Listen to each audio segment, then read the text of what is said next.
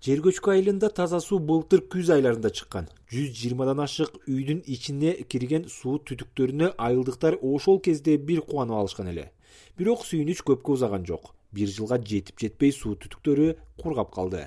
Азыр мурдагы кейипке түшүп мал менен кошо арыктагы сууну талашып ичип жатабыз дейт жер көчкү айылынын тургуну бактыгул мезгилде суу аябай неме киргил тартып сары суу болуп калат да анан эртеңкисин эрте алып сууну бир күн тундуруп коюп анан эртесин колдонобуз ичкенге тамак ашка балдарга болсо кайнатып таза суу бергенге аракет кылабыз.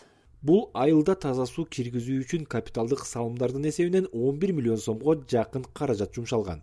Тендерден утуп алган компания ишти тез эле бүтүрүп ушул жылдын башында ачылышын жасаган.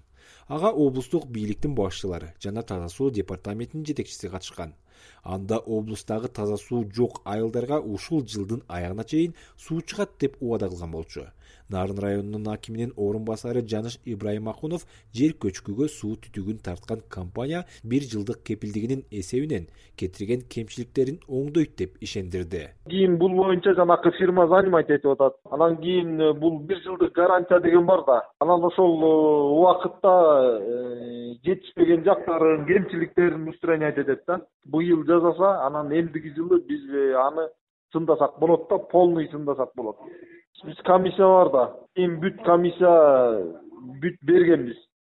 Мына моундай болду суу жакшы чыкпайт атат баланча жерде суу тоңгон деген нерселерди жазганбыз да могу кемчиликтерди устранять этиш керек дегендерди бүт бергенбиз. Мындай көп акчага элдин социалдык маселеси чечилип жаткан чакта мамлекет өзгөчө көзөмөл кылышы керек деген пикирин нарын шаарынын тургуну коомдук активист эркин асаналиев айтты. Ошондой эле ал элдик көзөмөл дагы иштин сапаттуу болушуна өбөлгү болот дейт. Элдик көзөмөл болушу керек жана айылдык кеңештин депутаттары муну аябай кат караш керек. Действительно ошо биринчи кезекте э, ошол суу барчу трубаларды жолдорду планын э, иштеп жатканда туура караш керек экен да. Мисалы үчүн ошо жанагы жалгыз терек нарын районунун э, жалгыз терек айылында ошондой проблема болгон да. Туура эмес планировка болгон. Же суу да чыкпай калды же акчанан дагы жок ошол убакта айыл өкмөтү күнөөлүү эл да күнөөлүү айылдык кеңештин депутаттары дагы күнөөлүү. Өткөн жылы азия өнүктүрүү банкынын долбоору аркылуу нарын облусунун кырк эки айылына таза суу киргизүү даярдык иштери башталгандыгы айтылган. Долбоор эки миң жыйырма үчүнчү жылга чейин бүткөрүлөт. Нарын облусунда жүз отуз беш айыл андан тышкары айыл макамын ала элек он участок бар. Аларда да таза суу маселеси кабыргасынан коюлуп турат. Мирлан кадыров азаттык нарын облусу